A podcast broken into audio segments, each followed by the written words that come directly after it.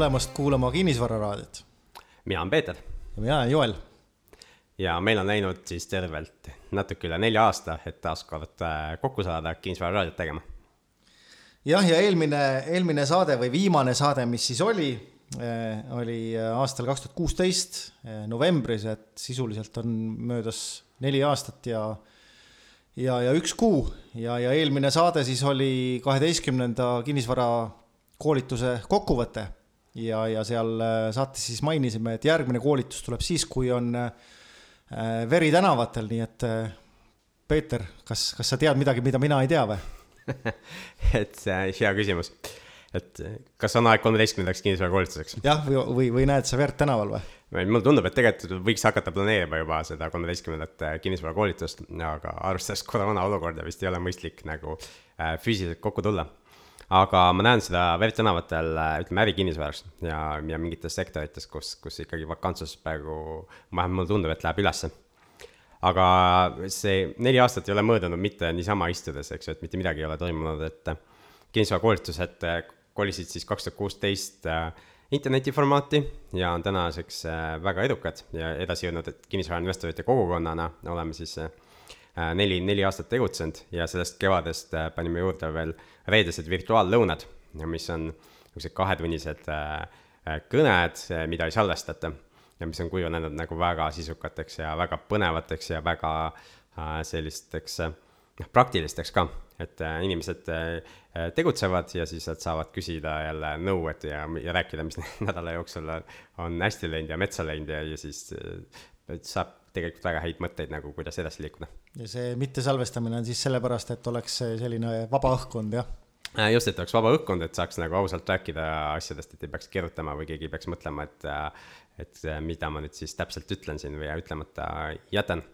et alguses me salvestasime ka paari virtuaallõunat ja need on järelvaadatavad, aga siis otsustasime salvestamise lõpetada, et, et õhkkond vabamaks saada ja loovamad lahendused ka välja toodaks kui sa, kui sa nüüd seda mainid, siis äh, võib-olla mõni, mõni kuulaja ei tea, et mis keskkond see on ja, ja, ja kuidas sinna pääseda, et äkki sa mõne, mõne sõnaga seletad? jah, see on jah, koolitus on ise siis noh, videod, millest saab õppida, eks ju, aga siis sinna juurde käib siis äh, suhtlus omavahel ja, ja, ja need virtuaallõunad on üks, üks osa sellest, et varem lihtsalt saime kohvikutes kokku ja siis äh, kevadest saadik hakkasime iganädalaselt saama äh, videokõnena kokku ja see on üle neljakümne eestikeelse kinnisvarainvestori üle Eesti ja üks on Gruusias tegelikult, et ja, ja mõni on vahest veel kuskil välisriigis. et, äh, et, et sihuke äh, vahva seltskond, et tõesti saab kogukonnaks juba nimetada. ja kuidas sellega liituda saab, et äh, võib mulle kirjutada, et siis äh, ma saadan infot, et saatke mulle enda maili aadresse, et siis äh, panen kirja teele, kus, kus on siis edasised juhised mm. -hmm. ja kirjutada saab siis saade at kinnisvararaadio.ee just, et endiselt see aadress töötab, saade, et kinnisvararaadio.ee, et küll väga harva meile tulevad sinna kirjad, aga, aga te võite kirjutada. vot, et sellega tegelikult on nagu tegevust, tegevust pidevalt äh, olnud, aga Joel, mis sa vahepeal teinud oled? Äh, ma mõtlen, neli aastat on nii pikk aeg, et, et mida rääkida, et meil siin äh, leppisime Peetriga kokku, et jätame selle saate pikkuse sellisesse, et mahub tunnisesse formaati et ma isiklikult äh, kinnisvara olen juurde ostnud ja enda üllatuseks siis olen ka ühe müügi teinud, et, et siin ähm, mina ja siis investorid, kellega koos ma investeerin, me oleme natukene oma, oma nagu strateegiat või fookust oleme natukene nagu täpsustanud, et, et siiamaani meil olid ähm, nii-öelda ühetoalised stuudiokorterid ja sellised ühikakorterid, kus siis oli neli, viis, kuus tuba, eks ole, jagatud köök, äh, vannituba, WC. et me oleme siis neid selliseid äh, ühikakortereid nüüd äh, realiseerimas. et ühe, ühe müüsime siin ära suve lõpul ja, ja teistega aktiivselt ei ole tegelenud, aga, aga see on nii-öelda see fookus, ühesõnaga, et kui kokku võtta, siis endiselt kinnisvaraga tegelen ja nüüd veel täpsemini keskendun teatud nišile. okei okay., miks sa neid müüa tahad, neid tubadega kortereid, et?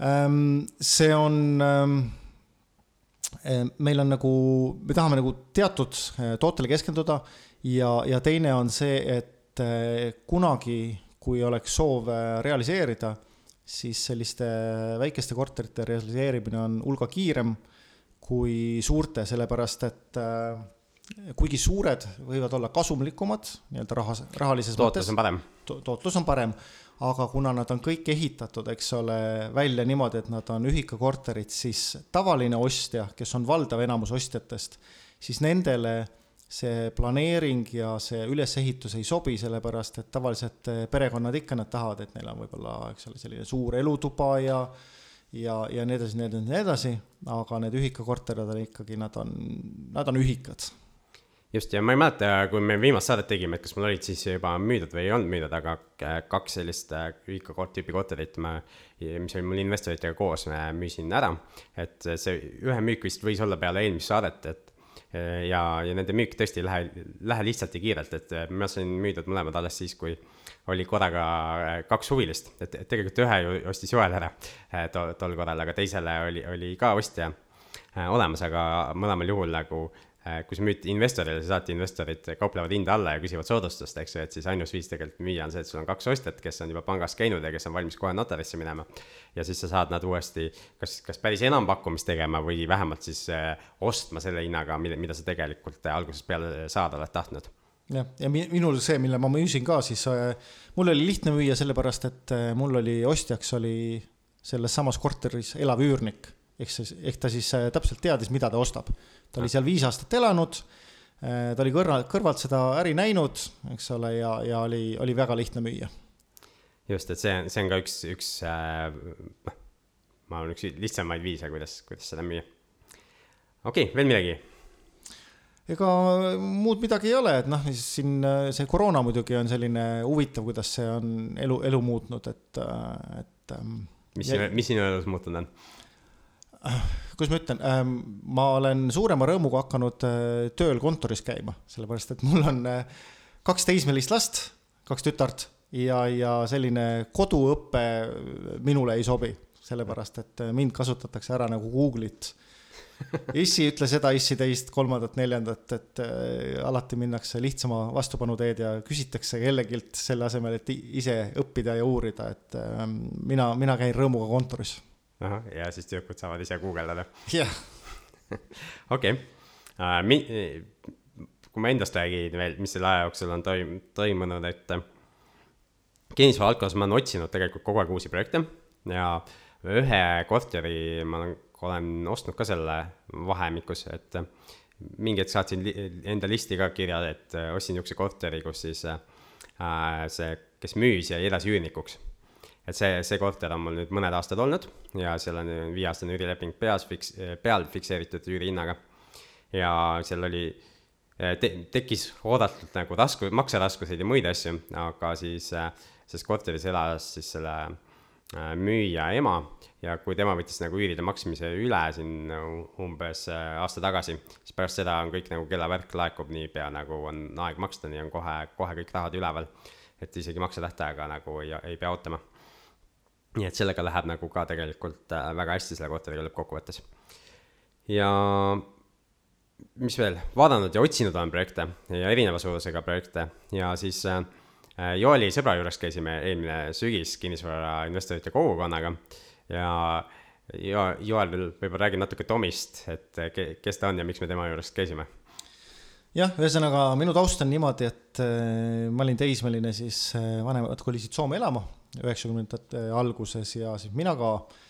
ja see tähendas seda, et äh, mul on selline tihedad sihe, sidemed Soomega, et õppisin Soomes ja töötasin, töötasin Nokias ähm, kokku, kokku umbes viisteist aastat. ja siis äh, Tomi on siis äh, üks minu kolleeg, ta oli kunagi minu ülemus ehk siis teame, teame juba kümneid aastaid ja, ja töötasime koos nii Soomes kui Jaapanis ja oleme Tomiga siis äh, peale seda Nokia nii-öelda, kuidas ma ütlen, äh, impeeriumi kokkukukkumist oleme suhelnud, olen tal aeg-ajalt külas käinud, elab Soomes. ja, ja ta on mulle siis aastaid on mulle öelnud, kuule, et Joel, et on, äh, et kinnisvara on sulle, eks ole, meelepärane, et aga, aga tee miniladusid, tema on miniladudega tegeleb, see linn, kus ta elab, seal tema on nii-öelda miniladude kuningas, kõige suurem tegija on väiksemaid ja suuremaid ja, ja siis äh, kuna Peeter neid selliseid kinnisvarakogukonna väljasõite korraldab, siis ma mõtlesin, et okei okay,, et teeme siis ka esimese sellise rahvusvahelise väljasõidu. ja siis sõitsime Soome ja, ja Tomi siis oligi nii, nii lahke ja tutvustas siis oma miniladude äri ja, ja kuna meil oli majutust vaja ka, siis sobivalt siis Tomi oli ostnud ka hotelli, mitte selle jaoks, et meid majutada aga, aga nii-öelda üks tema ettevõtlusvaldkondadest, siis me saime siis ka näha, eks ole, seda hotelli ja seal majutada ja, ja, ja ta rääkis natuke selle hotelliäri kohta, et ühesõnaga jah, et Tomi on minu juba aastatetagune tuttav ja, ja siis äh, käisimegi, vaatasime, et mis see miniladude äri on ja, ja, ja kuidas see toimib.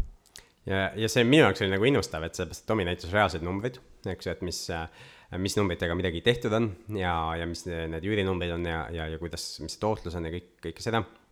ja saime nii-öelda käega katsuda ja, ja viibida minilaos endas ja, ja, ja näha siis, mis, mis seal on, Tomi rääkis ka, kust, kust midagi osta tuleb, et kui miniladu sisustada. ja, ja mis on oluline, mis ei ole oluline, et, et see oli kõik nagu väga, väga innustav. ja, ja mul hakkas ka mõte siis jooksma, et et äh, miks mitte siis sellest innustusest kinni äh, hakata, eriti kuna ta ju pakkus enda abi ka, et kui, kui on mingi konkreetne plaan, et siis võib, võib tema juurde tulla tagasisidet küsima. ja eelmine, suvel me tegelikult käisimegi väiksema seltskonnaga seal äh, uuesti Tomi juures ja, ja näitasime enda neid erinevaid plaane paar tükki lendas kohe nii-öelda delete nupuga minema et see oli nagu niisugune kainestav, noh, endal oli niisugune fifty-sixty tunne, aga Tomi ots otsa ütles okei okay,, unusta ära, et järgmine. ja siis äh, üks nendest nagu jäi ujuma.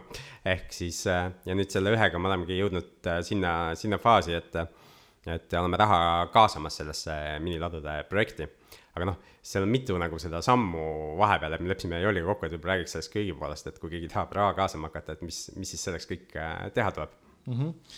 ehk siis äh, sisuliselt see termin, eks ole, kui me räägime nagu äh, raha kaasamise terminist, siis äh, on selline termin nagu sündikaat ja tegelikult meie Peetriga puutusime selle terminiga kokku juba circa kümme aastat tagasi, kui me käisime Ameerikas, käisime Real Estate Guys'i Äh, sihukesel nädalasel äh, Summit at Sea äh, üritusel ja enne, kui me siis, oli enne või, või pärast üritust, kui me käisime Ken McElroy juures?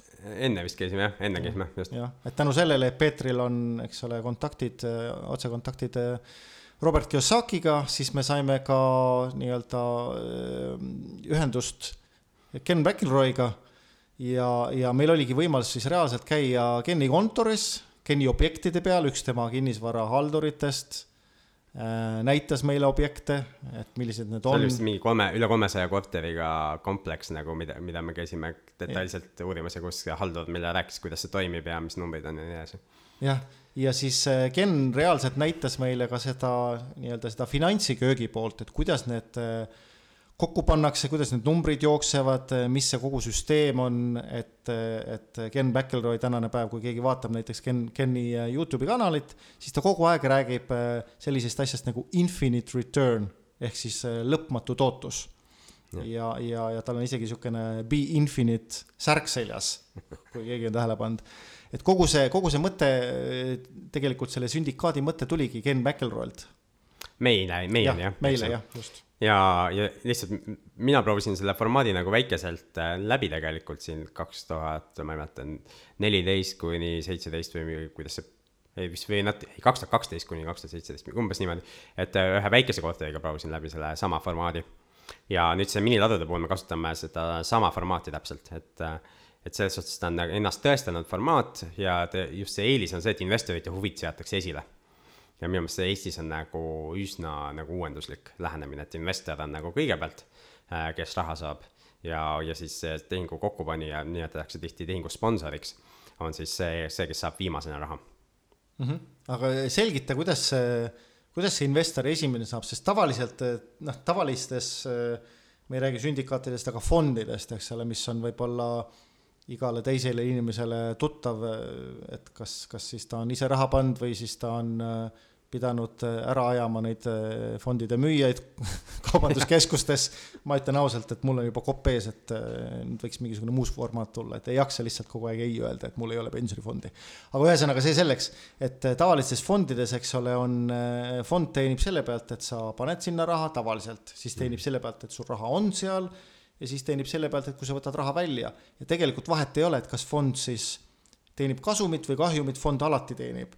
Aga sina nüüd ütled, et, et siin on, sinu formaadis on investor nagu esikohal, et mis sa mõtled selle all? okei okay,, et kui me nagu võrdleme üksteist tava, noh, mis asi on tavafond üldse, iga fond on ka natuke erinev, aga ütleme fondi formaadiga. et äh, noh, meie puhul on nagu see, eks me peame võtma mingit haldustasu selle kinnisvara korras hoidmise eest ja, ja selle eest, et see saaks välja üüritud ja nii edasi, et see haldustasu on küll, aga see haldustasu on nagu, ütleme pigem sümboolne. et meil on plaanis seda seal äh, viis protsenti üüridest kinnisvara haldamise eest ja kaks protsenti üüridest nagu raha haldamise eest aga fondides tavaliselt on see haldustasu, eh, on see portfelli väärtusest. Et äh, ma ei ole täpselt vaadanud kõikidesse fondidesse sisse, aga niisugune standardne tasu on see, et on fondi väärtuselt.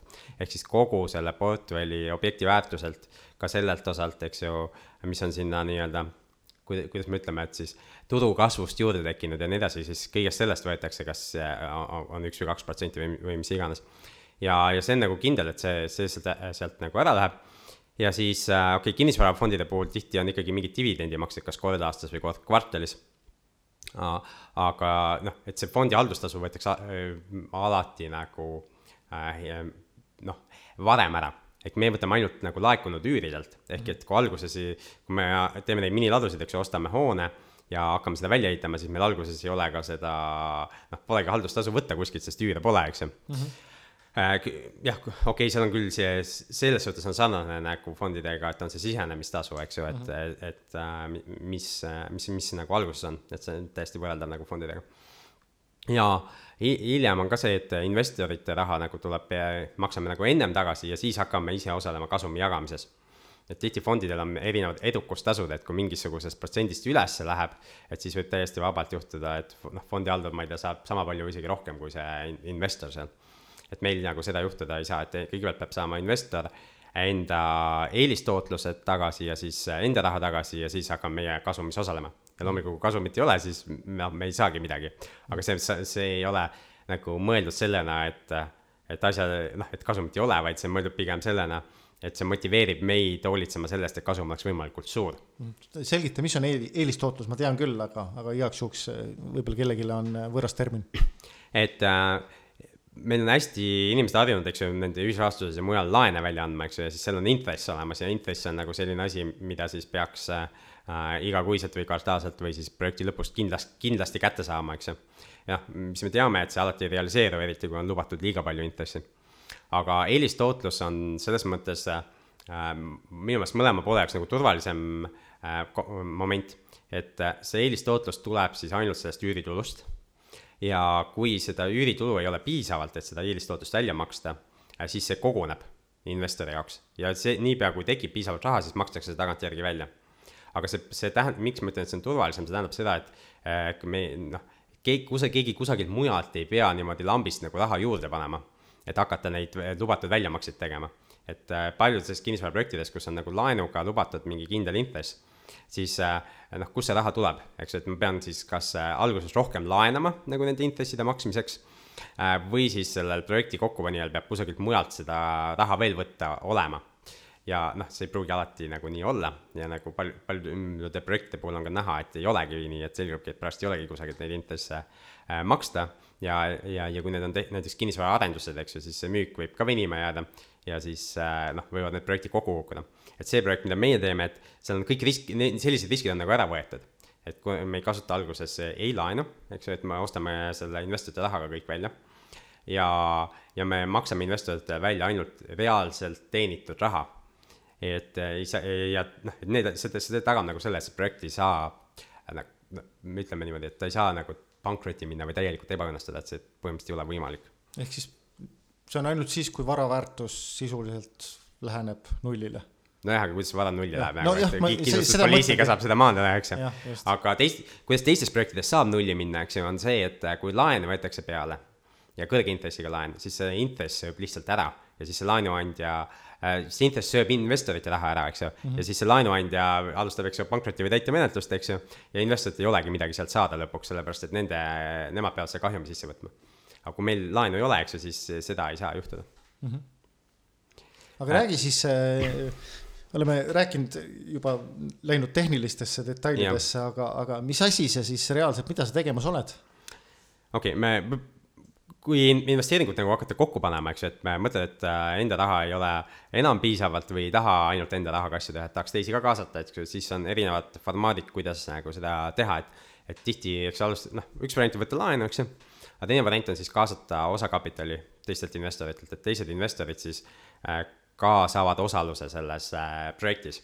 ja nad ei saa tavaliselt siis osalust mitte otse selles kinnisvaras, vaid siis tehakse eraldi osaühing mis omab seda kinnisvara ja siis eh, kõik investorid saavad osaluse selles eh, osaühingus. ja mis tähendab ikkagi reaalselt, eks ole, kuna neil on osalus seal osaühingus, siis selle, see proportsionaalselt, mis on osalus, eks ole, neil on siis ka nii-öelda nad omavad seda kinnisvara, eks ole, sellepärast et seda kinnisvara omab see osaühing. just, täpselt. Ja selleks, et eh, osalusi müüa inimestele, et me saaks koos investeerida, et tuleb teha endale päris palju regulatsiooni selgeks, et Eestis on olemas Eesti väärtpaberi seadus ja siis peab seda lugema. ja, ja seal on äh, erireeglid, üks nendest on see, et kui sa alla kahe poole äh, miljoni kaasad teiste käest, ehk siis meie projekti maht on üks koma kaks miljonit. see on si äh, see kaks pool miljonit kogu projekti maht, eks ole? just, ja mm -hmm. aastas ei tohi ka rohkem olla, et järgmine aasta võib jälle aga et siis äh, saab seda teha lihtsustatud äh, korras, eks ju, et me teemegi seda lihtsustatud korras, mis tähendab seda, et me võime võtta ka väikeinvestoreid vastu. kas see, see on kalendriaasta või, või jooksev aasta, ütleme niimoodi, kui aastane periood. kui sa nüüd teed äh, detsembris sellega, sa saad jaanuaris järgmise kaks pool miljonit? ei saa, see on. ei saa, pead ootama järgmise detsembrini. just, just mm. -hmm. aga jah, et siis me saame kaasata, eks ju, ka väikeinvestoreid, kuna see projekt on väike, eks ju, seadusandluse äh, mõttes, et muidu, kui üle kahe poole miljoni tahab kaasata, siis alla saja tuhande ei tohi vastu võtta kellegi käest, et loetakse, et see, kellel on vähemalt sada tuhat investeerida, et tema on siis intelligentne investor. noh, me teame, et see ei vasta päris tõele, aga, aga noh, seadusandlus vähemalt ütleb meile seda. aga meie projekti saab siis nagu väiksema investeeringuga ka tulla, et alates tuhand, tuhandest äh, eurost kas see tuhat, tuhat on teie enda poolt paika pandud enda poolt seadus? paika pandud mm, -hmm. enda poolt jah, et see võiks põhimõtteliselt olla ka üks euro, aga noh, ei tundunud väga mõistlik mm. -hmm. et äh, kõik see tuleb nagu otsustada, eks ju, et siin ei olegi valmis valikuid nagu olemas, et äh, me pidime kõike seda otsustama, et mismoodi me teeme äh,, millist, milline see osanike leping saab olema äh,. mil-, selle jaoks ma palkasin juristi, eks ju, kes, kes selle koostas meile, aga ikkagi jurist ütleb, et aga, et kõik on võimalik kokku leppida, et mida sa tahad kokku leppida mm. -hmm lihtsalt huvi pärast, kas see on, äh, dokumentatsioon on eesti keeles või on ka mõnes teises keeles? meil baasdokumentat-, või põhi, kogu dokumentatsioon on inglise keeles, et kuna me soomlastega koos seda kaasamist teeme, aga tõlgitud on ka eesti keelde mm. -hmm. et äh, on, on nagu see üks-ühele tõlge tehtud. ja, ja selleks dokumentatsiooni pidi kokku saama, siis äh, on küsimus jälle see, et noh, mingi koduleht peab tekkima, eks ju, kus, kuhu sa oma asju paned, eks ju, siis inimesed peavad saama tutvuda, eks ju, kõikide asjadega, ma tegin webinari näiteks, kus ma tutvustasin ka detailselt seda äh, projekti. Siis tegime eraldi videokõne, kus me rääkisime lihtsalt lepingust ja need ja sealt tulenevatest küsimustest. ja siis on veel see, et äh, lõpuks on, inimesed peavad siis äh, täitma äh,, andma oma andmed meile, eks ju, või, või kes iganes raha kaasab. Ja siis on veel ko kohustus äh, ja, ja see on nüüd natukene segane, kas on kohustus või ei ole, aga, aga me otsustasime ikkagi teha siis seda, mida nimetatakse siis äh, rahapesu tõkestamise regulatsioon. et seal on ka veel tingimused, et peab, kelle käest üldse võib raha vastu võtta. ja et iseenesest ma saan aru, et otseselt kohustust nagu seda jälgida meil ei ole, aga samas meil on kohustus nagu sellest regulatsioonist lähtuvalt anda aru enda pangale keda me kasutame ja notarile, kui me kinnisvara ostma lähme, nii et põhimõtteliselt kohustust ei ole, me peame seda tegema. see paneb mind muigama, sellepärast et mul tuli meelde, et mis siin vahepeal neljal aastal juhtunud on. ma ka sain oma viis minutit või viisteist minutit kuulsust äh, seoses pangad ja raha tõkestamise värk, et mis oli, oli äh, Äh, firma, kus ma siis äh, päevatööd teen, ähm, meil juhtus selline intsident, et, et Luminor siis äh, ähvardas meie pangakonto kinni panna ja panigi lõpuks kinni, kuna ta ei saanud aru, et kes siis on tegelikult kasusaajad. Ähm, noh, sellest saab lugeda Äripäeva arhiivist, aga tahtsin küsida, et kuidas siis teil on, kas te peate ka deklareerima tegelikult kasusaajad, juhul kui kellelgi nüüd satub olema üle kahekümne viie protsendi osalust selles firmas? Ja kindlasti jah. Mm, -hmm. aga me ka väiksemate puhul te selgitame välja need tegelikult äh, kasusaajad, et seal on, äh, tegelikult see seadusandlus annab nagu regulatsiooni ette ja summad ka nagu, mis summades, kui põhjalikult seda peab äh,, peab nagu tegema, et väiksemate summadega saab tugineda nagu selle äh, investori ütlustel, aga siis mingitest summadest, kui üle läheb, siis järjest rohkem peab nagu kontrollima, et me võtame siis äh, praegu ettevõtete puhul näiteks võtame siis äriregistrist, võrdleme seda tegelikku kasusaajat, mis sinna on deklareeritud, et kas see läheb kokku nagu sellega, mida inimene meile näiteks ütles mm. -hmm ja korjame nagu iga investoriga, kes on, täidab selle märkimisavalduse ära, eks ju, siis äh, noh, teeme talle selle nii-öelda kontrolli üle, et vaatame, et, et need andmed lähevad kokku nagu sellega, mis avalikes registrites on. ja siis salvestame kõikide kohta materjali ära, nii et see on päris niisugune ajamahukas mm. -hmm ja, ja kas sinna investeerida saab siis äh, sisuliselt igaüks, et on see füüsiline isik, juriidiline isik, välismaalane, kuidas nende asjadega on?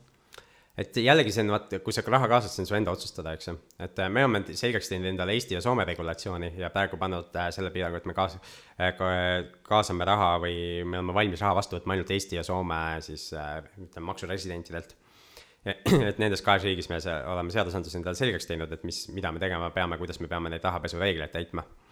ja, ja mõlemast on meil juba investoreid olemas ka. et aga jah, see on enda otsustada jällegi, et millistest riikidest sa võtad ja millistest ei võta, aga iga, igas Euroopa riigis on nagu see seadusandlus nende nõuete osas natuke erinev. nii et kindlasti ei tohiks võtta nagu lambist vastu nagu mõnest riigist, kus ei ole seadusandlust endale selgeks teinud Mm -hmm. ja eriti kalmas regulatsioon Ameerika Ühendriigid, et Ameerika Ühendriigid on kohe täiesti välistatud, et seal sellises vormis äh, lihtsustatud kaasamist ei eksisteeri üldse, et seal on hoopis, hoopis teised nõuded, kui keegi täna tahaks Ameerikast investeerida meie projekti, siis äh, mul ei ole võimalik ta raha vastu võtta, sellepärast et see Ameerika nõuetele nagu kindlasti ei vasta. Mhm. okei, et temale jääb ainult üle siis mingi juriidiline keha, keha Eestisse teha ja siis selle kaudu ei, aga see on tegelike kasusaajate järgi. aa, ehk siis sa pead ikkagi nii-öelda vaatama ja. lõpuni, et just, ma pean vaatama tuleb. lõpuni, see ei ole oluline, kus see ettevõte on, et see on tegelike kasusaajate järgi, et mm, -hmm. et selles suhtes see see on nagu oluliselt keerulisem, kui me noh, neli aastat tagasi oli, eks ju, või, või kümme aastat tagasi oli. et täna ma eelmise sihukese investor projekti, eks ju, tegin oma isa sõbraga, kes on Venemaa resident, eks ju, et tegelikult Venemaa residendi kaasamine on nagu lõpp, lööks kohe kõik punased tuled nagu mängu, nii et täna ma ei, ei, igaks juhuks ei ole talle seda projekti üldse saatudki ja kui ta tahaks osaleda, ma peaks, mul oleks palju mõistlikum ja lihtsam talle ei öelda, kui hakata nagu seda tema puhul seda taust, taustauuringut tegema. Mm -hmm.. okei. Okay aga, aga räägi siis äh, natukene, et mis, mis, mis mis see nagu toode, mis see nagu iseenesest see toode on, ma saan aru, et me räägime miniladudest, eks ole, aga, aga kuidas see, noh, räägi natuke sellest taustast, et mis, mis, mis toode see on? okei okay., et äh, miniladudega, kes ei ole kunagi miniladudest käinud ja mi-, noh, mina ka ausalt öeldes ei olnud enne, kui me Tomi juures nagu käisime seda, seda vaatamas, et äh, kõige lähedasem asi, millega sa saad võrrelda, on nagu kortermaja all asuv panipaik ehk et äh, üritatakse välja siis äh, nelja seina ja siis seal on äh, uks, kus ees käib siis kas taba või siis nüüd on tegelikult paar aastat olnud saadaval automaatlukud ja meil on plaanis ka teha see automaatlukkudega. ehk et siis äh, inimene saab endale võtta äpi ja äpi kaudu siis avada seda, seda ust. ta peab siis eraldi äppi laadima? peab, jah, peab äppi laadima. aga see tähendab, et te olete siis äpi teinud või on mingisugune valmis see, äpp, mis on teile kujundatud või? Jah, et on valmis äpp on olemas nagu selle lukupakkujalt või kes pakub meile kogu seda miiniladude sisu, et nendel on eraldi olemas siis see lukutoode mm -hmm. ja on olemas siis see äpp ka, et mida selle äpiga tehakse, on see, pannakse nii-öelda see meie skin sinna peale või et ta oleks siis meie värvides ja meie logoga, eks, aga muidu äpp on sama, mida siis Ameerikas kasutavad vist juba kümned tuhanded inimesed ja Euroopas ka juba tuhanded inimesed kasutavad, ehk ehk see on olemas kõikidel platvormidel ja reaalselt töötav asi mm. -hmm. et selles osas ei pea nagu katsetama, et kas ta töötab või ei tööta mm. -hmm. ja seal on võimalus ka see, kes ei taha äppi kasutada, saab kasutada mingi Bluetooth äh, nagu võtit, mida saab meie käest osta siis mm. -hmm. ja et saab, saab ka ilma selleta. aga see toode ise on jah lihtne eks ju, ja Tomi ju näitas meile ka, mis seal nagu inimesed hoiavad, eks ju, et, et siis äh, noh, hoitakse seda, mida hoitakse kortermaja panipaigas, ehk siis äh, ma ei tea, mingi mööbel, mis enam ära ei mahu ja mida arvatavasti võib-olla kunagi läheks vaja veel, ehk pigem on, klient hoiab seal emotsionaalse väärtusega asju, millel noh, pigem ei ole rahaliselt suurt väärtust, aga, aga emotsionaalne väärtus on olemas, eks ju. ja kolimise ajaks kasutatakse seda või siis a la talvega asjad paned ära, eks ju, et suve ajaks, eks ju, ja siis suve, pärast tood jälle suveasjad sinna ja viid oma talveasjad, eks ju, ära, et ta on nagu niisugune lisa, lisapanipaik. vähemalt see, mille jaoks meie seda teeme, et miniladusid saab ka erinevaid teha, eks ju, et Eestis on ka palju pakkujaid, on ka niisuguseid suuremaid, mida ettevõtted kasutavad enda ladudeks ja, ja, ja või, või mingiks hobitegevuseks saab kasutada, aga, aga see, mida me teeme, on mõeldud ikka peamiselt eraisikuna. et ettevõtted võivad ka muidugi üürida kaks ruutu või viis ruutu või kümme ruutu, kui neil on vaja. äh, hoida oma asju ja niisuguseid hobiettevõtteid on ju päris palju, eks ju, kellele see võiks äh,, võiks ka sobida. aga peamine klient on just sihuke äh, perekond, kellel on vaja lisa, lisapinda ja siis me mõtlesime, kus see kõige parem asukoht Eestis nagu oleks niisuguse teenuse jaoks. ja leidsime äh, siis äh, Need piirkondi tegelikult on veel mõned, mida me silmas on, aga praegu, kui me keskendunud, on siis Rae vald ja, ja Peetri ja Järveküla piir. et seal on hästi palju uusarendusi ja hästi vähe panipaiku, kuna arendajad on kõik äh, ära optimeerinud. ehk siis sisuliselt, äh, kui Tallinnast mööda Tartu maanteed hakata Tartu poole sõitma, siis paremat kätt. mm -hmm. ja see piirkond, eks ju, et, et seal on tõesti nagu kokku hoitud panipaikade arvelt ja, ja inimestel on te, enda ühel sugulasel on viietoaline korter ja siis üks tubadest on äh, sisuliselt panipaik või asjade hoidmiseks, sellepärast et lihtsalt kuhugi mujal ei ole neid, äh, neid panna. ja muidu miniladude äris, kuidas saab kaasa lüüa, et Eestis äh, me oleme vaadanud, et see ei ole päris uus teenus, kaks tuhat üksteist aastast on see teenus olemas ja enamus tegutsevad siis operaatorina, ehk nad üürivad siis suure pinna ja sisustavad selle ära, ära ja üürivad siis neid kahe kuni ütleme, kahekümne ruutmeetriseid pindu edasi ja mis Tomi meile ütles äh, Soomes, eks oli see, et äh, ärge seda tehke. et see oli, ah, et miks? ja, ja sellepärast, et sa ei saa kinnisvara sellest äh, hinnakasvust osa. ja lõpu, ja mis sul perioodi lõpuks siis alles on, on see, et sa oled selle kinnisvara omaniku jõukaks teinud ja sinul on siis alles, ma ei tea, kas just puruks sõidetud, aga siis kulunud äh, plekkseinad ja, ja, ja muu kola, eks ju, millega, millega siis ei ole nagu midagi muud teha, kui see kinnisvara omanik otsustab sealsamal pinnal hakata mingit muud tegevust äh, arendama. no teine vist on see ka, et, et kui see kinnisvara omanik otsustab, et ta tahab hinda tõsta, siis äh, sul on võimalus kas maksta rohkem, jonnida ja maksta rohkem või siis võtta oma kola ja kolida minema jah, just. Ja põhimõtteliselt miniladusid, eks ju, saab lahti võtta ja saab uude kohta ka kokku panna. aga noh, see on tülikas, kulukas ja, ja, ja kin-, ja alati me teame ju, et ja IKEA mööblit saab ka panna äh, kokku ja uuesti lahti võtta, aga kas ta siis päris täpselt ikka kokku läheb uuesti, on nagu kahtlane. et äh, mingeid juppe on ikka uuesti siis vaja. et selles suhtes see kolimine ei ole nagu hea mõte. aga samas see sisu peab nagu hästi pikalt vastu, et kui sa oled ühes asukohas ja asukoht on sul kindel ja, ja nii edasi, siis Äh, siis lähed kümne aasta pärast vaatama või ma ei tea, mäleta, palju kaua Tomil see olnud oli ka juba üle viie aasta kindlasti. et äh, noh, sa vaatad, et see on nagu eile pandud, et sa ei saa aru nagu, et see, seal mingeid kulumisi oleks. sest äh, inimesed ei käi seal igapäevaselt, eks ju, et see on ikkagi ladu, ainult et ta, nagu nimi ütleb, on ta minisuuruses siis. aga räägi, räägi natukene tehniliselt, et see ladu siis, millest see sisustus tehtud on ja kuidas, kuidas see nagu äh, kuidas sa jõudsid selleni, et, et, et sul on, eks ole, kinnisvara, neli seina või mis iganes, eks ole, et selle ärasisustamine ja kogu see kontseptsioon, sa mainisid, et automaatlukud ja äpid ja mm -hmm. et kus, kus sa kõik selle leidsid ja, ja, ja selgita natukene, mis see on? tegelikult see on ka lihtne, et jälle vastus viib Joeli sõbra juurde, Tomi juurde, et äh, kasutame siis sama tootjat, kus Tomi on ostnud selle sisustuse. Mm -hmm. ja ega me oleme kõik tegelikult copy paste inud kusagilt, eks ju, et, et lihtsalt selle kokku nagu, nagu toonud, et äh, nii on kõige et esiteks need kohad, kus me oleme kopeerinud, me saame ise ka nõu küsida jooksvalt, eks ju, ja, ja teine asi on see, et see on kõige vähem nagu eksimisruumi noh, sisuliselt eh, noh, alati on, eks ole, vigade tegemine on tervitatav, aga, aga parem on õppida teiste vigadest, kui, kui ise teha, eks ole. just, ja keegi teine on need vead nagu läbi teinud, et, et siis äh, alates värvilahendusest ja kõigest muust asjast, eks ju, et meil on nagu mõistlikum seda, seda kõike lihtsalt äh, üle võtta ja, ja, ja täpselt sama teha eriti kui, kuna need inimesed, kellelt me seda üle võtame nagu ühe, ühes kohas selle kontseptsiooni ja teises kohas selle, eks ju, sisustuse, et nad on ise nagu lahkelt valmis, lahkelt jaganud seda meiega ja, ja öelnud, et tehke, kasutage. et, et siis milleks hakata nagu noh, leiutama sinna mm. muid asju juurde. ja kolmas koht, kus me võtame tegelikult veel asju, asju ka kopeerime juurde, on see kogemus, mis minul on siin siis Äh, internetikoolituste müügiga, seesama edasijõudnud kinnisvarainvestorite kogukond ja siis on ka maksukoolitus. ja minu äh, Soome partnerid, kellega koos me seda teeme, äh, on Joona ja Timo, nemad on teinud kümneid selliseid internetikoolituse noh, platvorme püsti pannud erineva, erinevatele siis prof-, professionaalidele enda koolituste müügiks. ja mida ma, mida ma mõtlen, et me võtame sealt selle, et äh, me, on olemas see läbi mängitud lahendus, et kuidas koguda kokku kuumakseid. et äh, sama, et sa, inimene annab oma kaardi andmed ja me saame iga kuu automaatselt võtta need maksed, et ükski miniladu täna ei tee Eestis seda et ma ei tea, miks nad ei tee, aga, aga nad ei tee seda millegipärast, et saadavad arveid ja, ja siis ootavad ülekandeid. aga meie plaan on siis kaardimaksete peale kogu see asi tööle panna ja meil on kogemus sellega, kuidas see panna tööle, nii et see reaalselt ka töötab.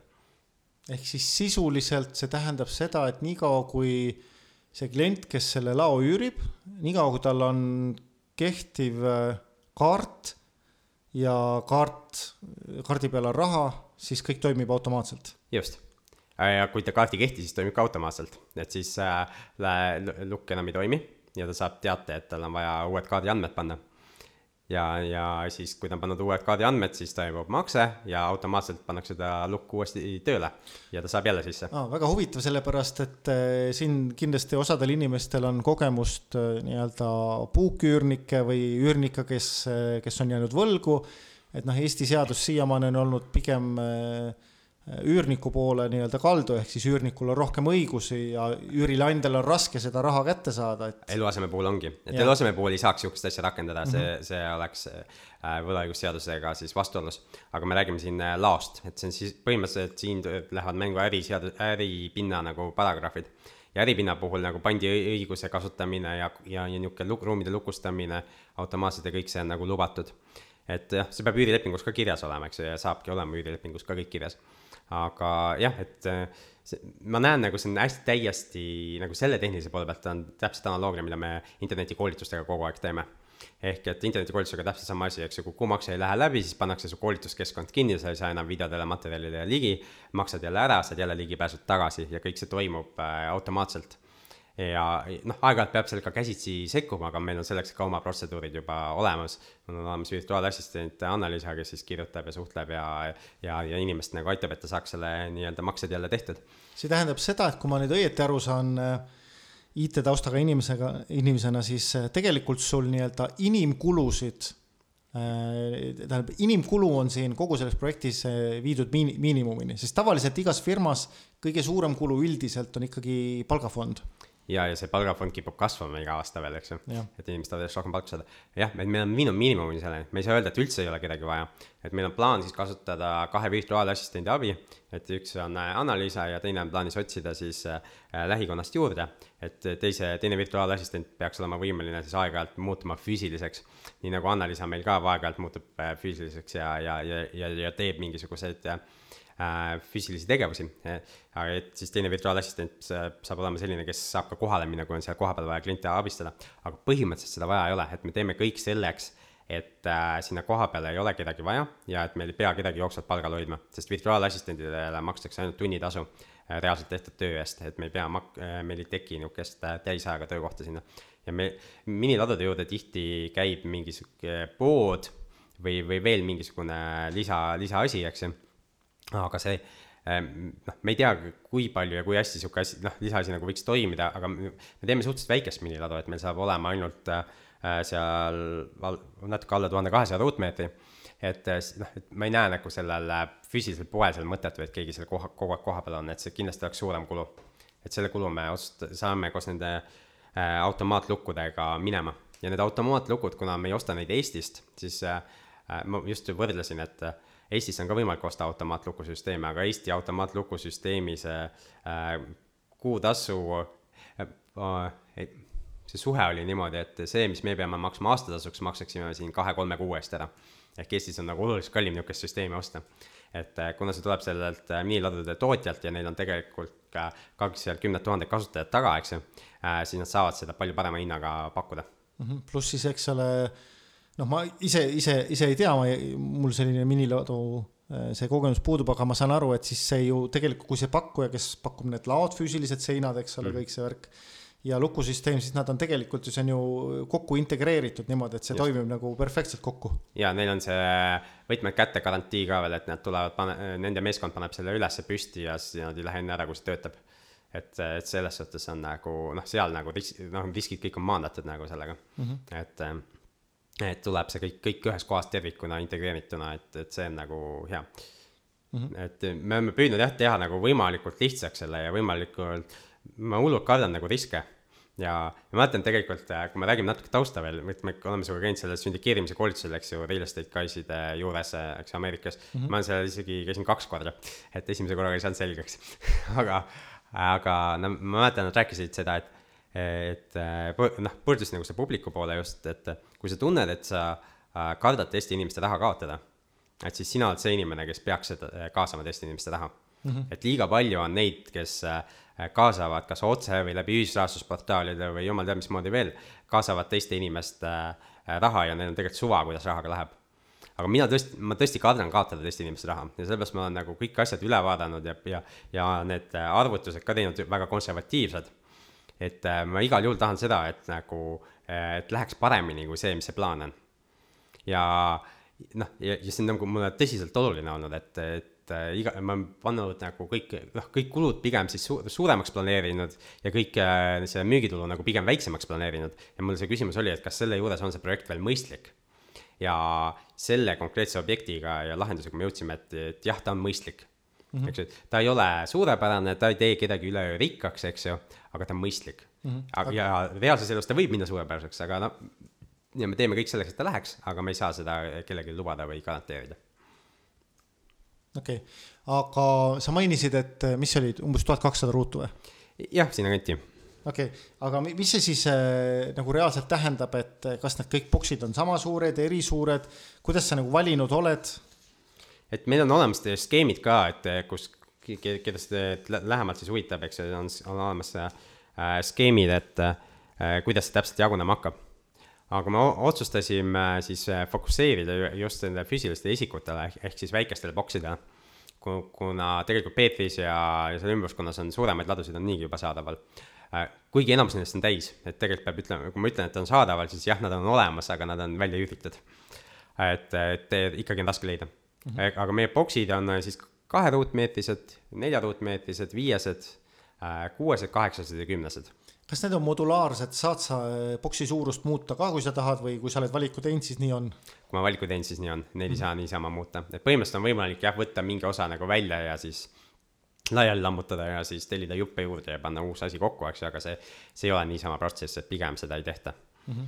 et siis see, see, siis peab olema nagu midagi, noh, millegi järgi nagu tõesti üldse nõudlust ei ole, et siis, siis, siis on seda mõtet teha mm. -hmm. okei okay aga meil on plaanis see kahes osas välja ehitada tänu sellele ka, et eh, selles hoones on kolm kodust et esimene, teine korrus kohe välja ehitada ja siis kolmas korrus eh, aastase viivitusega välja ehitada just sellepärast, et, eh, et me natukene saaksime kogemust ja näeksime, millised boksid nii-öelda kõigepealt ära lähevad, et siis kolmandale rohkem neid teha, mida, millest puudus on mm. -hmm. mis sa, mis sa arvestanud oled, et äh, oletame nüüd, eks ole, et sa tuled notarist välja, sa oled kõik selle äh,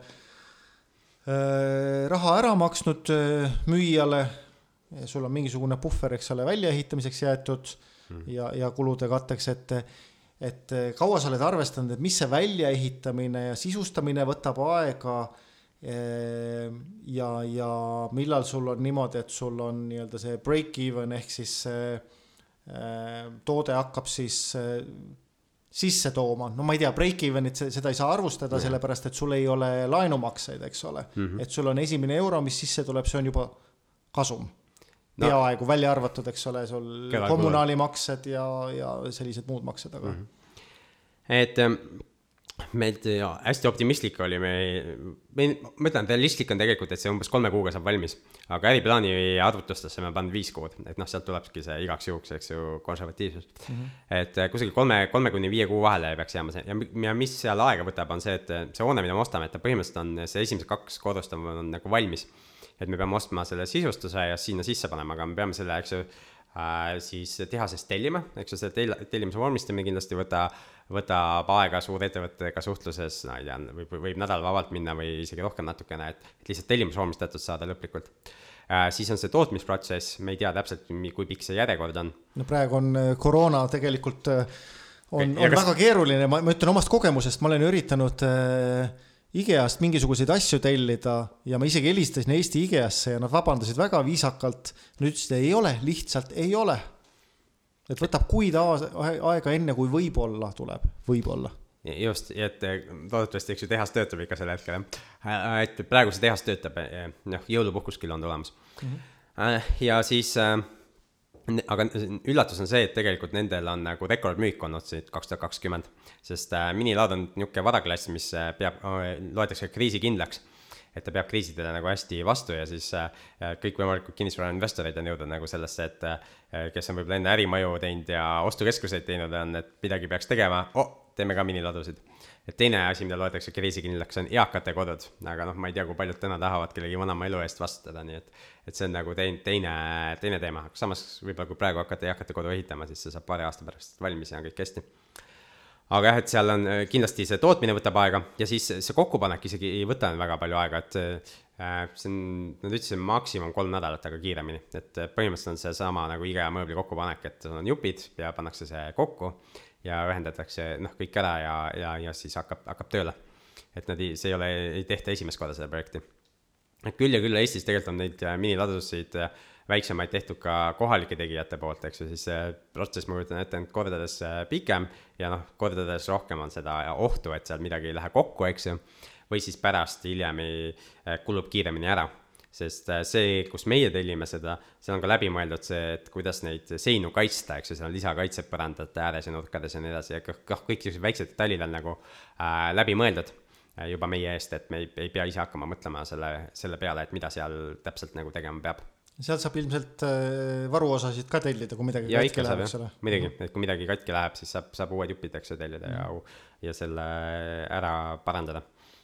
et selles suhtes me oleme läinud nagu tõesti niisugust äh, ma ei saa kasutada niisugust sõna nagu riskivaba, et see oleks nagu jabur, eks ju, ükski asi ei ole riskivaba, aga minim-, riske minimeerides. et äh, oma arust teinud nagu hästi turvaliseks kogu selle projekti ja investeeringu mm -hmm okei okay. äh,, aga räägi natukene, ütleme, et ma olen investor või noh, olen investor ja olen huvitatud sellest, et mm, -hmm. et kuidas see protsess on, et keegi kuulab, eks ole, mõtleb, oh, huvitav, et mis siis nüüd edasi et äh, ma arvan, kõige mõistlikum on tegelikult jälle meile kirjutada, et võib kirjutada saade, et kinnisvararaadio.ee, et, et ja mhm. lihtne aadress jääb meelde, et äh, saade, et kinnisvararaadio.ee. ja ma saadan sulle siis äh, ligipääsu materjalidele. aga saad, kirjutage mulle siis sinna enda eesperekonnanimi, maili aadress ja telefoninumber, et need, need asjad, et siis saab ligipääsu ja mis materjalidest sa siis ligipääsu saad, et siin tuleb õppimiskoht, et kuna ma ütlesin, et see on, et see on uus formaat Eestis et siis sa pead võtma nagu selle aja, et aru saada sellest noh, muidugi saab siis nagu suvaliselt ka investeerida, et sa millessegi ei süvene. et täidad lihtsalt lahtrid ära ja, ja raha läheb kuhugi, aga, aga minu palve oleks ikkagi, et süvenege ja saage aru nagu, mis te teete. et äh, siis on olemas selle kohta esitlus, kus on siis kogu see projekt nagu detailsemalt äh, lahti kirjutatud. esitlus, see on siis mingi fail PDF või?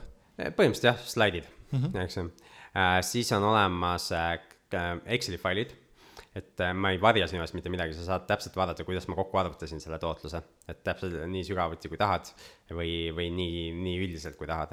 aga sa saad minu Exceli failid, et äh, millega me need tootlused ja erinevad stsenaariumid kokku arvutasime, et äh, meil on peatsenaarium ja siis on kehv stsenaarium ja positiiv või noh, optimistlik stsenaarium väl-, välja arvutatud. ja, ja siis viimane asi on siis osanike leping, et osanike leping on siis see, millega sa äh, reaalselt siis liitud ja kus on ka kõik, kõik need tingimused siis juriidilises keeles lahti kirjutatud. osalike leping ja selle allkirjastamine siis on kuidas, digitaalselt? et äh, jah, sellel samal lehel on siis äh, see avaldus, kus sa saad panna oma andmed ja, ja, ja siis selle summa, palju sa investeerida tahad ja siis selle allkirjastada. kuidas see siis käib, et ma allkirjastan ja siis kannan summa või? sa allkirjastad selle ära ja siis tuleb see vahva rahapesu tõkestamise protsess ehk äh, kui sa oled selle ära allkirjastanud, siis meie saame selle kätte äh, sinu, sinu allkirjaga ja me teeme siis ära selle rahapesu tõkestamise protseduuri. ehk siis äh, vaatame, kas sinu esitatud andmed klapivad siis avalikes registrites olevate andmetega. ja siis peale seda, kui kõik sobib, meil nagu küsimusi ei ole sinu tausta suhtes, siis saadame sulle pangakonto numbrid, kuhu siis ülekanne teha. Ja seal siis, kas siis sellest tuleb siis arve ka, ütleme, et kui ma. ei no see, see ei ole müük, vaid see on osaluse ostmine, et see, see, see liitubki selle lepinguga, lepingus on nagu see summa olemas, et okay. mingit täiendavat arvet ei ole. kui ma teen seda firmana hmm., siis mis ma oma raamatupidajale ütlesin? saadadki talle selle osanike lepingu koopia lihtsalt mm. -hmm. seal, seal on nagu kõik, kõik äh, kirjas ja see kajastatakse siis finantsinvesteeringuna enda ettevõtte raamatupidamises, et kui sa ettevõtte alt investeerid mm. -hmm ja mis edasi saab, edasi siis äh, on mitu varianti, mis saab. et peab ootama, kuni me kogusumma kokku saame, et üks koma kaks miljonit on eesmärk siis kaasata. et siis me saame selle ostu ära teha. kas sellel on mingisugune ajaline aken ka, mille jooksul sa seda tahad või soovid või pead? et noh, mida kiiremini me kokku saame, seda kiiremini saame selle hoone ära osta, eks ju. nüüd Äh, kuna see turg on selline nagu on, eks ju, ja me ei näe nagu otseselt äh, ohtu, et keegi teine meie nina alt nagu selle ära ostaks, noh, kuigi mõnes mõttes see oht kindlasti on olemas ja mida rohkem me räägime sellest projektist, seda rohkem see oht nagu võib-olla tekib, tekib mm -hmm. ka. aga me ei ole seda hoonet, äh, noh, broneerinud või kinni pannud enda jaoks, et meile pakuti küll, eks ju, broneerimislepingut, et me oleks saanud, ma ei, kuni aasta lõpuni näiteks broneerida seda äh, teatud tasu eest, eks ju aga ma otsustasin mitte seda teha, sest see hind on nagu langenud pidevalt selle poole aasta jooksul, mis me oleme dokumentatsiooni kokku pannud ja, ja miks mitte ei võiks see veel langeda. aga et siis variant on see, et me saame raha kokku, ostame selle ära ja siis lähme, äh, viime selle äriplaani ellu, eks ju. ja teised variandid on siis see, et kui me ei saa raha kokku äh,, siis äh, meie valitud kuupäev on kakskümmend kaheksa veebruar kaks tuhat kakskümmend üks, et kui me selleks ajaks ei saa raha kokku, siis me tagastame see kõik selle investoritele või teine variant on see, et tõesti keegi teine ostab selle hoone ära ja meil on võimatu seda hoonet osta. et äh, siis ka me tagastame selle raha investoritele. ja loomulikult siis ei ole mingit tootlust, et äh, siis me tagastame täpselt sama summa siis äh, investoritele, kanname tagasi üle ja nii edasi. et meie selle rahaga vahepeal midagi ei tee, ta seisab lihtsalt siis LHV panga kontol et me ei hakka, noh, minu käest on küsitud, et, et kus, kus sa tead, et või noh, et kus me teame, et sa selle rahaga vahepeal midagi ei tee. no tõesti ei tee midagi, et ma siin veebikõnedes on, on näidanud ka kontojääki vahepeal ja, ja mul ei ole mingi probleem.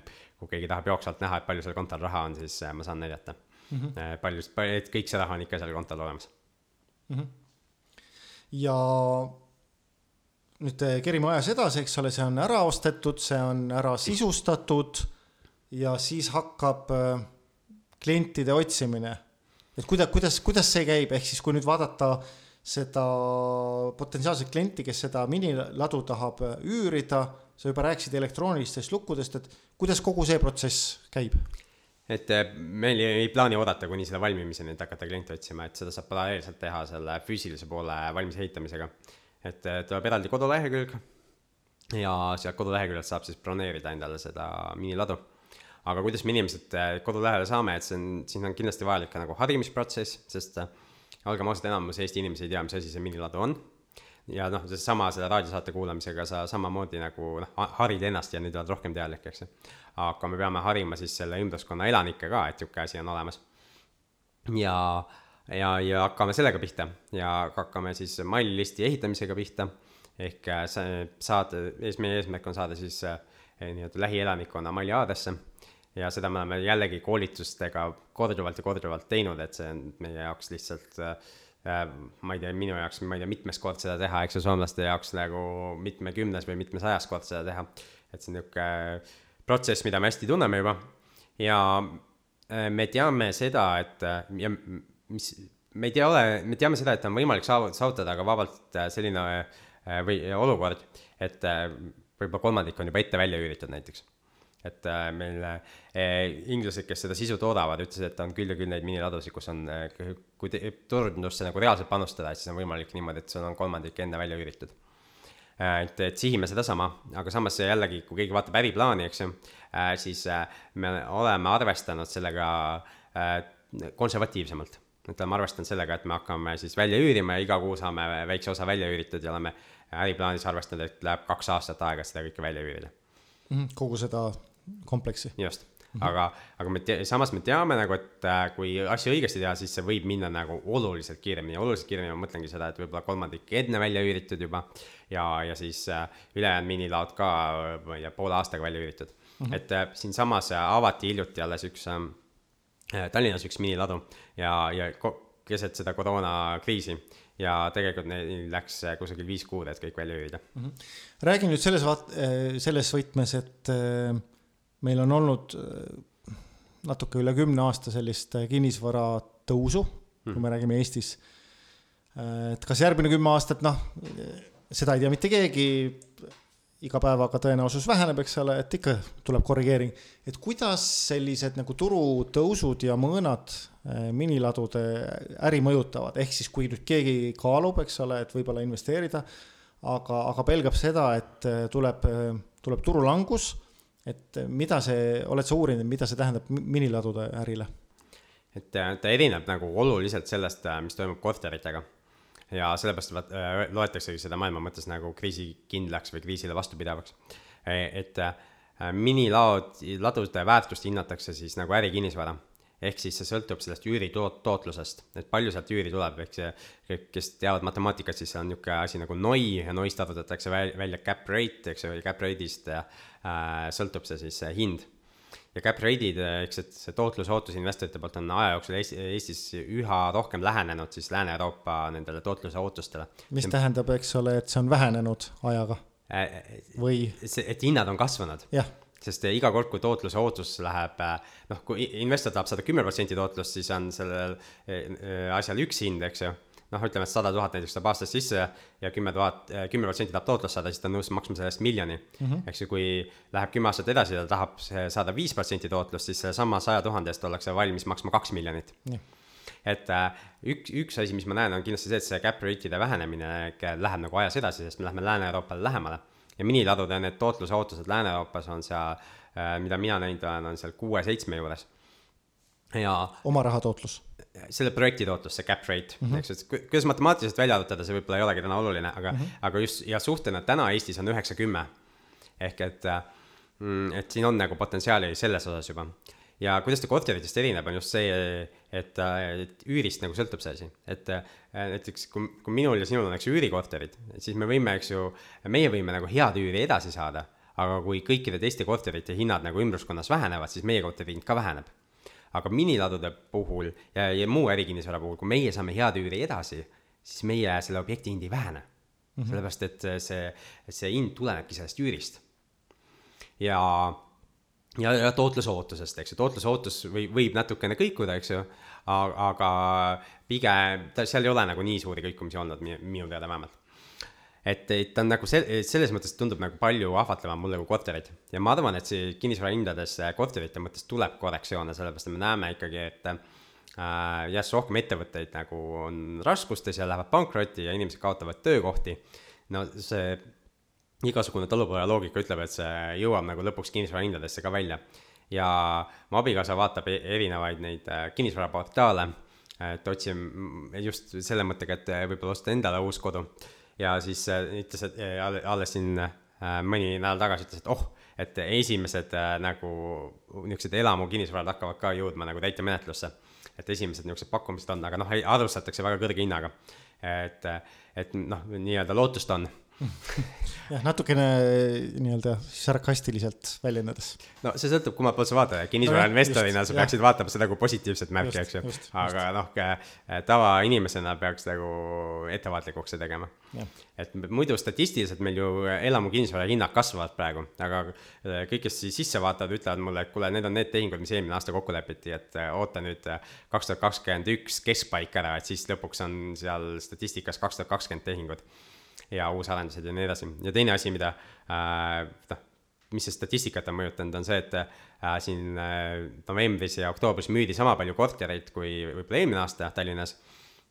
no vähemalt nii, nii ma olen kuulnud nagu statistika kokkuvõtete põhjal, aga siin äh, need, kes jälle sisse vaadanud on, ütles, et väga palju oli niisuguseid kümne, äh, kahekümne, kahekümne viie korteri plokktehinguid et äh, mi, mi, mida see tähendab, see tähendab seda, seda, et ja millest see tekkis, oli see, et et mingi osa vaba raha omanikke otsustas oma raha vahetada korteriteks ja ostsid plokkidena. ehk et tegelikult ostjaid ei ole sama palju kui aasta tagasi. korterite arv võib olla sama, aga ostjaid on ikkagi, ostjate arv on kukkunud, ma ei tea täpselt, kui palju, aga ta on kukkunud äh, võrreldes siis äh, eelmise aasta numbritega. Mhm. okei, ehm, aga tund saadet saab just täis et eh, võta, võtame veel natukene seda nagu investori eh, poolelt, eks ole, et kui nüüd investor selle ostab ära, see on siis äh, saab hakata jälgima seda, seda äri, et kuidas ta seda jälgib, eks ole, et kas investor saab mingit infot, et kuidas sellel minilaol läheb ja, ja, ja millal siis investor mingisugust kasumit saab või kas ta saab kasumit, on see, kuidas see on välja ehitatud? Jällegi seda, kui keegi paneb niisugust tehingut kokku, ta siis siin ei ole mingeid reegleid. aga me oleme enda jaoks paika pannud, et selle, et me tahame, hakkame tegema kvartaalset aruandlust, et iga kvartal saab siis äh, finantsid, eks ju, kasumiaruanne, bilanss, rahavoogude aruanne. et, et selle kaudu saab nagu pildi ette, et mis, mis siis äh, toimub ja noh, jooksvalt võib ka küsida ja või tulla vaatama, eks ju, keegi ju ära ei aja, eks ju, ja, ja võib ju endale ka boksi üürida, eks ju, siis on ju veel, veel noh, vahvam nagu käia endale kuuluvas objektis nagu kasutamas seda teenust. ja mõned investorid on ka selle mõttega nagu neid, neid osakuid märkinud. et, et siis noh, et on, sul on võimalik nagu käega katsuda, et see on nagu üks objekt, see on hästi konkreetne, võrreldes ükskõik mingi, mingi muu asjaga, et ta selles suhtes sarnaneb hästi sellele korteri ostule. aga mida sul ei ole, on see, et sul ei ole otsest kontrolli et sa pead siis äh, usaldama mind, et äh, selles projektis rahakott on minu käes. Ja, ja pead usaldama, et mina teen siis adukaid tehinguid, see ja adukalt käin rahaga ringi, noh, ja niimoodi, nagu me oleme siis äh, lepingus ja äriplaanis lubanud. et, et see on, see on nagu kindlasti üks aspekt, et, et ilma selleta ei saa ja ma olen ka öelnud, et palun neil mitte investeerida, kes on harjunud nagu mikrojuhtima, et kui keegi tahab hakata, ma ei tea, mulle igat väikest asja ette ütlema või midagi niisugust, siis äh, palun ära investeeri, et, et äh, aduka või noh, mõistlikele ettepanekule loomulikult ma olen avatud, eks ju, äh, ja ja, ja teostame ka, eks ju, kõike ei jõua kindlasti korraga teostada, aga, aga mõistlik, mõistlikuid asju ikka teostame. aga ei taha siis niisugune, niisugust mikrojuhtimist kindlasti. ja jah, et kvartaalne aruandlus ja siis korra aastas nagu osaühingutel ikka peab olema, peab olema osanike koosolek, äh, kus siis mõningaid otsuseid vastu võetakse. et äh, see osanike koosolekud on plaanis meil teha videoformaadis nagu äh,, nagu me ikka videokõnesid siin internetikoolitustes teeme, et selles osas on meil ka kogemusi kõvasti äh,. mis veel investorilt võib huvitada? et investori jaoks on see ikkagi käed vabad sõitmine, et sa oled nagu reisija pingis, eks ju, et sa saad, noh, see autosõit nagu on selles suhtes nagu hästi hea analoog, et et sa oled autos, aga sa oled reisija koha peal, eks ju mm. -hmm. et, äh, et sa näed, mis toimub, aga sa ise ei rooli mm. -hmm. ehk sa võid põhimõtteliselt, äh, mis tähendab seda, et sa võid tegeleda millegi muuga samal ajal, eks et sa ei pea oma tähelepanu kogu aeg siia panema, aga kui sa tahad, siis sa võid tõsta pilgu ja vaadata ka, et kuhu me lähme. okei okay., aga kui nüüd selle auto analoogiga edasi minna, et äh, kui nüüd see reisija siis soovib äh, äh, nii-öelda peatust ja maha hüpata, et kuidas see siis on korraldatud? et niisugustel noh investeeringutel äh, tihti seda väljumiskohta nagu enne projekti lõppu ei ole, et projekti lõpp on planeeritud siis kümne aasta peale äh,. me oleme loonud küll ühe võimaluse väljumiseks, on siis äh, noh, põhimõtteliselt on kaks varianti väljumiseks, et äh, jooksvalt. et äh, müük siis teistele osanikele, et see on siis äh, lihtne, et sa saad äh, kuna meil on investor portaal olemas, siis, siis sinna tekib koht, kus sa saad jätta teate, eks ju, kõigile teistele osanikele, et ma tahan oma osasid müüa jah, sa pead kellegagi kokku leppima, et seal ei ole mingit automaati järelturgu, eks ju. aga et kui sa kellegagi kokkuleppele saad, siis sa saad teha selle osade müügi. see tähendab, et siis investor näeb ka, et kes on need teised kaasinvestorid? kas ta varem või hiljem saab tuttavaks, eks osanike mm -hmm. koosolekul ikka näeb eks ju neid, et ma ei tea, päris nimekirjana, tegelikult äriregistrist saab see ka välja võtta, nii et meil ei ole põhjust seda varjata, et mm -hmm. siis põhimõtteliselt tekib see nimekirjana ka sinna, et see, see ei, ei ole nagu salajane, jah aga et see sõnumi jätmine ka, et sa saad jätta nagu teistele sõnumid, kõik saavad oma kasutajanimega sisse, saavad, saavad neid sõnumeid lugeda.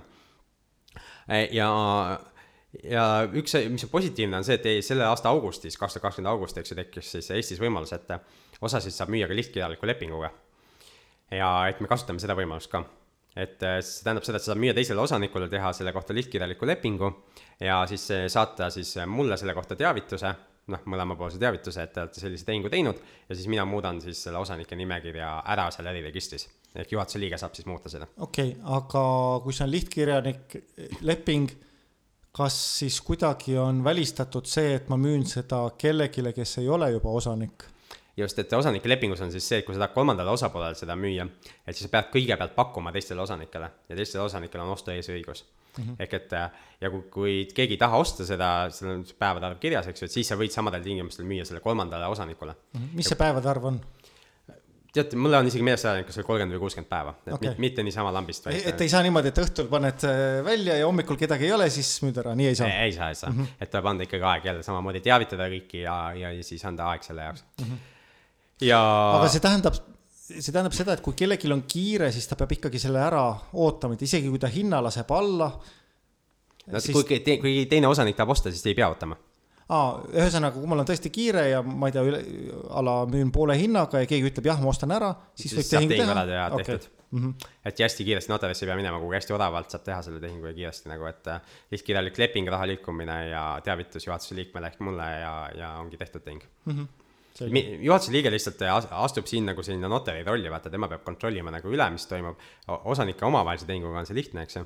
Äh, kui tuleb uus kolmas osapool, siis ta peab uuesti ka läbima selle rahapesu, eks ju, tõkestamise teema ja ta peab liituma osanike lepinguga ja mm -hmm. siis ma kannan ta omanikuna sisse, eks ju, kui, kui ta ei läbi ühte ja teist asja, siis ma ei kanna sisse, siis muidugi tekib niisugune noh, huvitav olukord, mida peab siis lahendama, eks, et aga noh, loodame, et ei teki niisuguseid olukordi siis mm. -hmm aga kas siin ka mingisugune mastaabiefekt äh, annab eelist, ütleme, et kui ma ostangi neid teisi osalikke, osalisi kokku, et saan ma mingisugust lisahääleõigust või, või, või, või kas annab midagi? hääleõigust saad jah, ja juurde et äh, aga noh, ma ei, sa pead nagu tõesti siis ostma üle, üle poole kokku, et siis midagi see, midagi hääleõiguse mõttes sellega peale hakata mm. -hmm. aga muidu me kohtleme kõiki investoreid võrdselt. Et meil ei ole mingit eeli-, suuremat tootlust a la, ma ei tea, kusagilt on levinud mingi imelik praktika ühisrahastusportaalides, et kui sa paned a la tuhat inve-, eurot, eks ju, et siis sulle antakse mingi üks protsent, eks ju. kui paned kümme tuhat, siis saad kolmanda protsendi, teise protsendi ja kui paned sada tuhat, saad kolmanda protsendi. et meil niuk-, mingit niisugust eristamist ei ole, et oled sa nii väike või suur investor, et sa saad täpselt samad, sama matemaatika põhjal seda tootlust mm. -hmm sest noh, see tootlus, kui, kui oleks eristamine, siis see saaks tulla ainult siis selle väiksema investori arvelt eks ju, ja me ei tohi, taha kuidagi diskrimineerida seda väikeinvestorit, et et minu meelest on ta täpselt samamoodi noh, ära teeninud samasuguse tootluse nagu siis äh, suurema summa, summa panustaja mm -hmm.. okei okay., äh, mainisid projekti pikkus kümme aastat. just mm. -hmm. mis see tähendab siis, kui nüüd äh, kümme aastat täis saab, mis siis juhtub? Et mina võtan selle osanike lepinguga siis kohustuse või minu ettevõte, võte võtab siis kohustuse, eks ju, jooksvalt jälgida, mis hinnaga seda müüa saaks. ja kui on tundub, et oleks sobiv aeg müüa ja siis, ja see võib olla ka enne kümmet aastat, siis on minu ülesanne teha osanikele siis ettepanek, et müüme. -hmm. kas see läheb siis hääletusele? ja see läheb hääletusele ja, ja, ja seal mis... on vaja lihthäälte enamust, et see ära müüa. lihthäälte, see tähendab viiskümmend. üks protsenti jah mm -hmm viiskümmend pluss üks, viiskümmend protsenti pluss üks hääl, eks ju, just. Mhm. et lihthäälte enamust on vaja, et siis äh, saab selle objekti äh, müüa mm. -hmm. ühesõnaga siis... on, on ka võimalik reaalselt see kui keegi, äh, keegi leiab näiteks mõne, kes tahab osta, eks mhm. ole, pakub välja äh, sinule kui juhatuse liikmele ja, ja see on täitsa reaalselt võimalik. jah, kui kõik tulevad investorid kaasa, siis on võimalik, eks ju, aga kui ei tule kaasa, siis ei tule, eks ju. et äh, jah, aga ja kümnendaks aastaks siis on eesmärk see, eks ju, see ostja leida, kellele seda müüa. aga see ei ole kohustus kümnendal aastal müüa no kui ei ole ostjat, siis me ei saa müüa, eks ju, et see on, see on ka tegelikult, kui küsida, mis see risk on, risk on see, et, et ei olegi ostjat selleks mm, -hmm. et siis me hoiame seda edasi. aga see on see tavaline, eks ole, tavaline, kui sul on kinnisvara või ükskõik mis asi, eks ole, siis see ongi see otsus, et kas on õige aeg müüa. et sul mingit äh, juriidilist kohustust ei ole müüa. ei ole mm, -hmm. jah. ei ole, et see on lihtsalt see siht on, eks ju, see kümme, kümme aastat mm. -hmm mingi siht peab olema, eks ju, ja mingi noh, mult on küsitud ka, et kuule, et, et ma vaatan, et numbrite järgi see läheb kümnendaks aastaks juba väga heaks, eks ju, see projekt, eks ju, et miks me ei hoia seda. et noh, see peab olema nagu mingi exit ja inimestel peab olema võimalus uude projekti siseneda, eks ju, ja midagi muud teha ja samamoodi ja meie kui projekti kokkupanijate see motivatsioon on tegelikult seotud sellega, et me maksimaalse hinnaga saame selle müüdud, siis meie osaleme ka kasumi jaotamises mm. -hmm. nii et äh, see on meie motivatsioon ka, see müük ikkagi, et toimuks mingi hetk. okei okay. ähm,, sündikaat teemal veel selline küsimus, et Ken McElroy'l oli selline mudel, et ta kaasas raha, ostis objekti ära, siis äh, parendas seda. Eks ole, kas tegid remondid või vahetasid üürniku välja, tõstis äh, nii-öelda selle vara väärtust ja siis tegi refinantseeringu, mis tähendas, et äh, läks panka, võttis laenu, eks ole, ja siis sellest laenust maksis siis äh, ja eesmärk oli maksta kõik investorite raha tagasi niimoodi, et siis investoritel nagu on kõik oma raha tagasi, ehk siis kõik tootlus, mis tulevikus tuleb, on neile nii-öelda ääretu tootlus mm. -hmm. et eh, kas sinul on ka mingisugune refinantseeringu plaan selle projektiga? jaa, on küll jah, et äh, meil alguses ei ole rahavoogu, siis me alustame seda hästi konservatiivselt ja turvaliselt, seda projekti, eks ju. et kaasame kogu raha ja et laenu ei ole. aga niipea, kui see projekt on stabiliseeritud, mis tähendab seda, et eesmärk on üheksakümmend protsenti välja üürida või, või üle, natukene üle üheksakümne protsendi, aga mitte sada protsenti.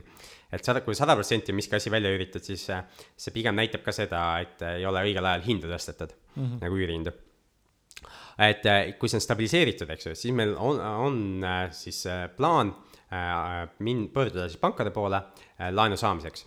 ja selle laenu ainuke eesmärk on siis investoritele kapitali tagastada.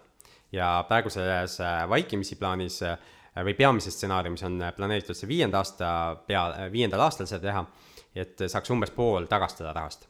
ja siis selle alles jäänud raha tootlus lähebki hüppeliselt ülesse mm. -hmm ja teg-, ja niisuguses äh, posit-, optimistlikumas stsenaariumis on juba kolmandal aastal plaanis see. et kui on kõik need välja ehitatud, kogu see objekt ja välja üüritud kõik, et siis te,, siis tegelikult ongi see hetk, kus äh, panka minna raha küsima. aga nüüd äh, erinevus siin Eesti ja Ameerika vahel on see, et Ken McElroy USA-s saab kuni kaheksakümmend protsenti väärtusest laenu võtta ja, ja, ja tõesti, eks ju, sa võtad, eks ju, ostad hinnaga üks sisse ja, ja see väärtus kasvab, eks ju, üks koma kolm korda ja kui sa kaheksakümmend protsenti laenu võtad, siis saadki kogu investorite raha tagasi. siis äh, Eestis nii palju laenu ei saa. et me oleme arvest-, arvestanud äriplaanis siin, et me saame võtta pool väärtusest, et võib-olla mm -hmm. õnnestub ka kuuskümmend protsenti võtta, aga oleme arvestanud jälle natuke vähem, eks ju mm. -hmm et, äh, et saame võtta pool väärtusest laenu ja siis umbes pool rahast nagu äh, tagastada inimestele või investoritele tagastada et siis ja, ja selle tõttu tegelikult enne müüki ikkagi kogu raha tagasi ei saa. et see oleks nagu ideaalne, kuhu minna, aga Eestis lihtsalt need, need äh, laenutingimused ei ole sobivad selleks mm. -hmm aga osalus jääb kõigile alles, eks, et mul on küsitud ka seda, et saan pool raha alles, kas ma jään poolest rahast, osalusest ka ilma, ei jää, sul on täpselt sama osalus edasi mm. -hmm et see point ongi see, miks ma ütlen, et see on investori sõbralik, on see, et sa oled äh, meiega koos algusest lõpuni.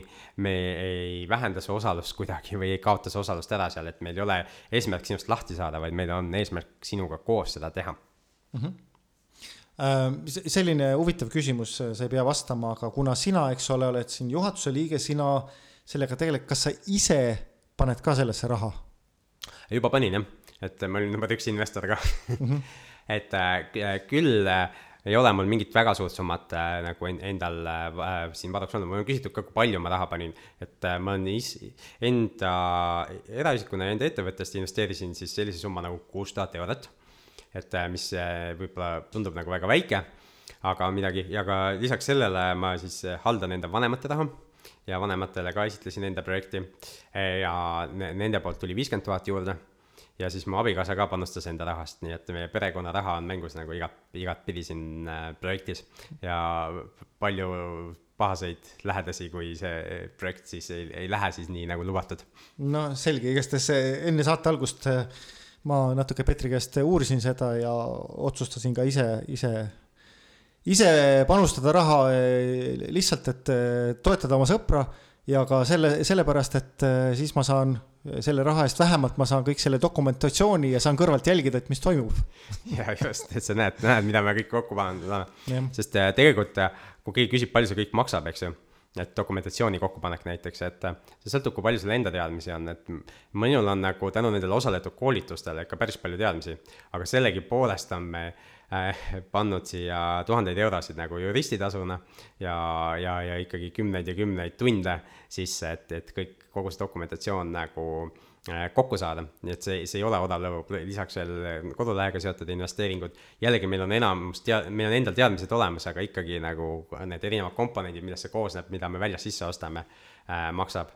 ja, ja, ja noh, et, et, et see juba sinna, sinnapoolde me panustasime ka kaksteist tuhat eurot, mis on nagu täiesti eraldi veel, eks ju, et et lihtsalt see kogu dokumentatsioon ja kodulehed ja kõik need asjad kokku panna. Ja siis projekti sponsoritena äh, tegelikult sellest kaheteistkümnest tuhandest eurost natuke üle kolme tuhande oleme ka veel siia projekti panustanud. nii et äh, noh, igatpidi me oleme kulutanud nagu äh, päris palju aega ja raha sellega tegelemisele, et tegelikult ajalises mõttes on aasta läinud et ja see ei ole esimene hoone, mida me läbi arvutasime, et see on, kas viies hoone vist on nagu, et meil on veel nii-öelda neid äriplaane, millest enne oli juttu ka, mida Tomi ütles, et kustutage ära, eks ju, et, et neid äriplaane oli veel. aga see on esimene mõistlik -hmm.. okei aga võtame saate kokku, et eh, on veel midagi, mida sa tahad, tahad nagu mainida? Et ma kutsuksin jah tutvuma selle projektiga ja kui keegi mõtleb kunagi ise raha kaasata, siis eh, kindlasti on see nagu hea õppematerjal ja kes on valmis olema siis peaaegu passiivne investor, tahab saada siis osa sellest protsessist, et tahaks öelda, et seiklusest, aga noh, seiklust see olema ei saa, et kui siis, kui see seikluseks läheb, siis on midagi valesti läinud. et ta on ikkagi niisugune sirgjooneline lihtne protsess. Et kui sa tahad sellest osa saada, siis saada meile kiri, saade, et kinnisvararaadio.ee ja, ja ma saad, tekitan sulle ligipääsu kogu sellele dokumentatsioonile. ja siis sealt saad juba edasi ennast harida ja siis loodetavasti jõuad ka lõpuks meiega liitumiseni aga aitäh kuulamast ja, ja mulle tundub, et väike déjà vu, et eh, meil on olnud enne ka selliseid pause. Eh, aga ma loodan, et nüüd eh, järgmine saade tuleb kiiremini kui nelja aasta pärast. Jah, et ma loodan, me saame selle miniladude projekti ju ostetud, eks ju, siis seda võib ju jooksvalt ka kajastada, et kuidas, kuidas läheb ja mis toimub. jah, sellest võiks täiesti võib-olla isegi videosaate teha jah, vaatame, kuidas, kuidas seda kuidas seda saab, saab teha, et eri, erinevaid formaate ja võimalusi on aja jooksul tekkinud just. aga, aga siis äh, tänud kuulamast ja järgmise korrani. aitäh ka minu poolt ja järgmise korrani